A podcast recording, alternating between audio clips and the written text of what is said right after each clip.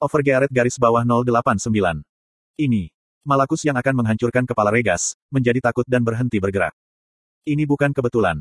Sebelum Guild Sedekah tiba di sini, Malakus menghadapi Grid 1 vs 1, dan gagal membunuhnya. Grid tidak kuat. Sebaliknya, dia lemah. Jika Malakus mau, dia bisa membunuh Grid dalam hitungan detik. Dengan kata lain, dia berada di level bug. Tapi, Grid agak aneh. Dia jelas lemah, tapi sumber kekuatan yang tidak diketahui terpancar darinya. Malakus yang kewalahan, terpaksa mundur. Aku tidak memahaminya. Dia telah menolaknya, tapi setelah mengalaminya lagi, itu bukan kebetulan. Tekanan yang dirasakan dari Grid, nyata. Bagaimana mungkin seorang pendatang baru, melakukan kehadiran yang begitu kuat? Aku seharusnya hanya takut pada Dewa Yatan. Malakus terganggu dan melepaskan Regas. Sementara itu, Grid mendekat. Kotoran. Malakus mundur ke jarak maksimum, sementara Grid membantu Regas. Regas, kamu baik-baik saja. Grid. Regas menatap Grid dengan mata yang berkelap-kelip, seperti lentera. Dengan satu tarian pedang, dia mengalahkan Malakus yang telah menangkap orang peringkat kedua di Guild Sedekah. Grid sendiri mendominasi 17 dari 100 top ranker. Jadi, kehadirannya lebih besar daripada top ranker mana pun, yang pernah bertemu Regas. Dia bahkan bukan serdadu yang terkenal, tapi dia memiliki martabat ini. Regas ingat, pertama kali dia bertemu Grid. Dia tidak memakai armor dan hanya memburu monster dengan pedang. Semua orang memanggilnya pembual dan tertawa, tapi Regas mempercayainya. Dia tahu, Grid adalah orang yang dapat diandalkan. Semakin aku melihat Grid, semakin besar dia. Regas adalah seorang ranker di 30 teratas dari top ranker. Namun, dia merasa iri terhadap Grid. Grid merasakan sukacita yang luar biasa, pada kata-kata itu. Sampai baru-baru ini, aku adalah player biasa dan sekarang seorang ranker mengagumiku.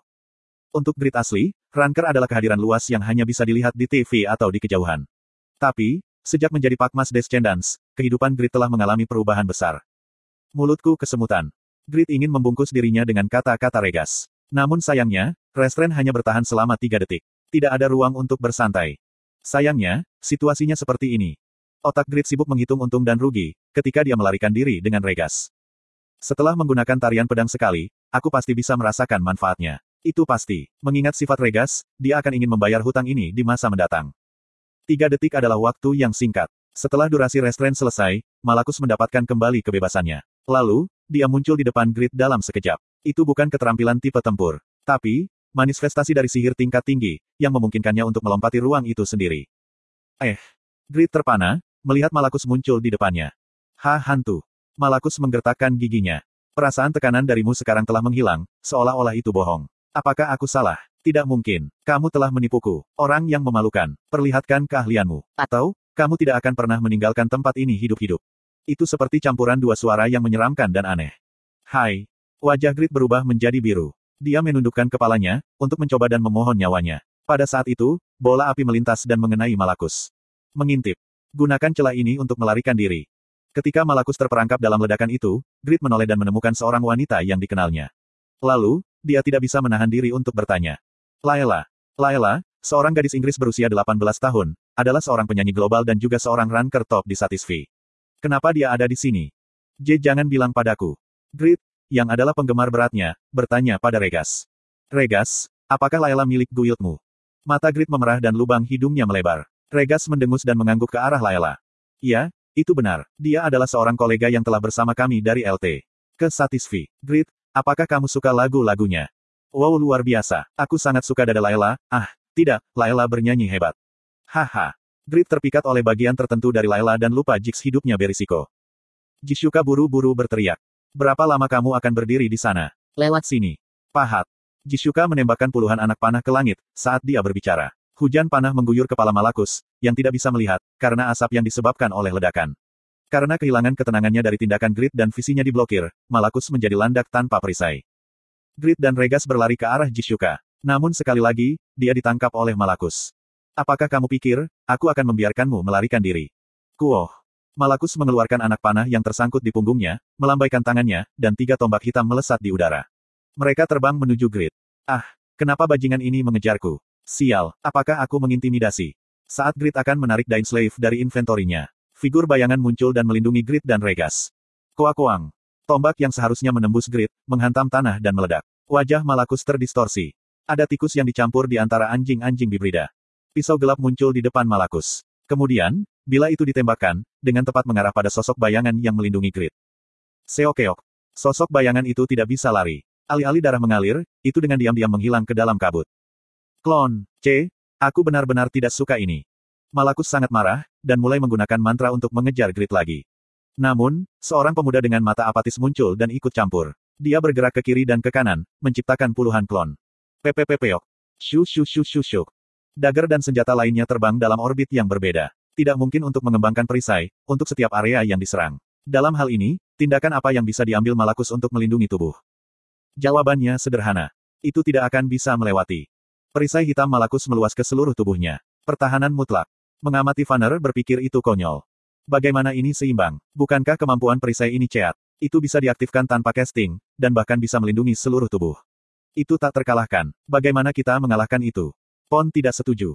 Jika kemampuan defensif itu tak terkalahkan seperti yang kamu pikirkan, dia akan membuat perisai itu terus digunakan. Tapi, dia tidak melakukan itu. Karenanya, Jishuka berhasil menyerangnya beberapa kali. Dia hanya menggunakan perisai untuk waktu dan area minimum untuk memblokir serangan. Lalu, dia mengulanginya lagi dan lagi. Kekuatan sihir yang dikonsumsi untuk menyebarkan dan mempertahankan perisai itu, cukup besar. Petik 2. Aku setuju.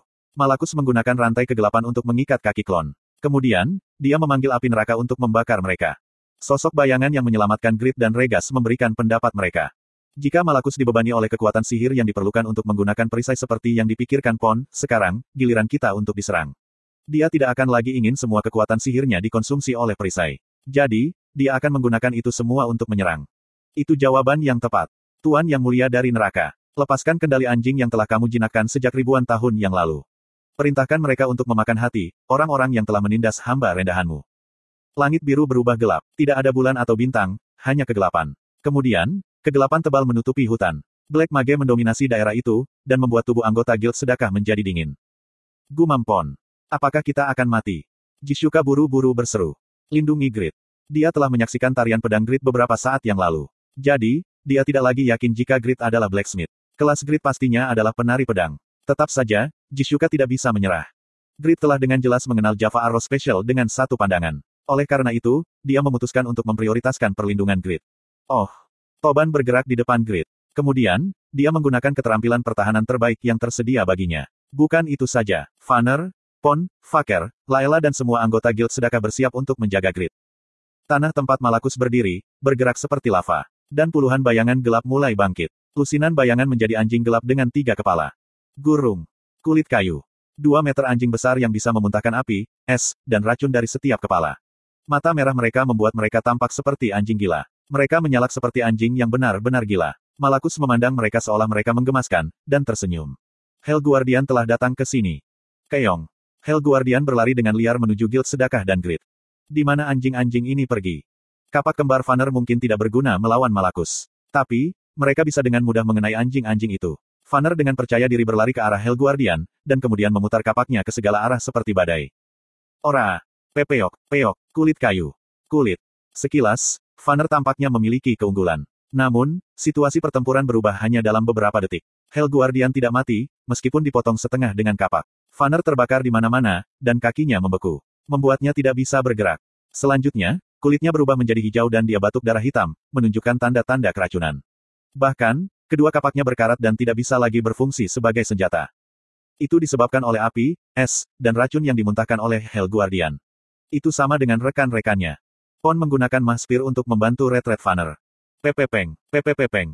Tombak Sonic menembus Hell Guardian yang mengelilingi Vanner. Menyalak, menyalak. Hell Guardian panik dan tersebar di semua tempat. Menggunakan celah itu untuk pulih, Vanner menggunakan keterampilannya yang tak terkalahkan, untuk melarikan diri dari medan perang. Wajah Toban mengeras, saat dia menyaksikan serangkaian acara. Tidak ada yang mati. Monster normal akan mati dalam satu serangan, ketika diserang oleh tombak. Jika ada cerit hit, bahkan monster boss akan menerima kerusakan besar.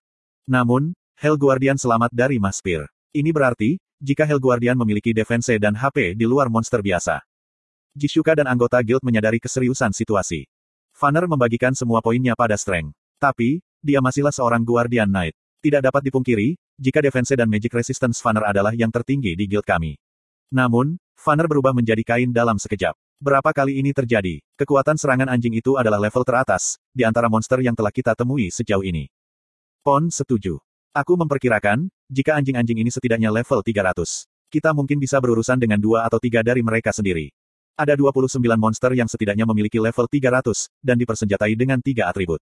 Ada Malakus juga. Peluangnya menjadi lebih kecil. Suasana dengan cepat tenggelam. Hell Guardian jatuh pada anggota guild. Perintah Jishuka. Tanggapi dengan serangan jarak jauh. Mereka akan sangat terluka, jika mereka saling berhadapan dengan Hell Guardian. Perintah Jishuka tepat, tapi cuma ada beberapa kelas jarak jauh di antara anggota guild. Kulit kayu. Uh. Tidak mengherankan, Hell Guardian menerobos anggota guild sedekah, mengalahkan perisai toban, dan mengarahkan napas beracun mereka. Grit yang merasa hidupnya dalam bahaya setelah melihat perisai toban terkorosi dalam sekejap, mengeluarkan perisai emas dari inventorinya. Pada saat itu, sesuatu yang luar biasa terjadi. King, merengek. Hell Guardian yang tidak mundur, bahkan ketika terkena panah Jishuka, mundur segera, setelah mereka melihat perisai Grit.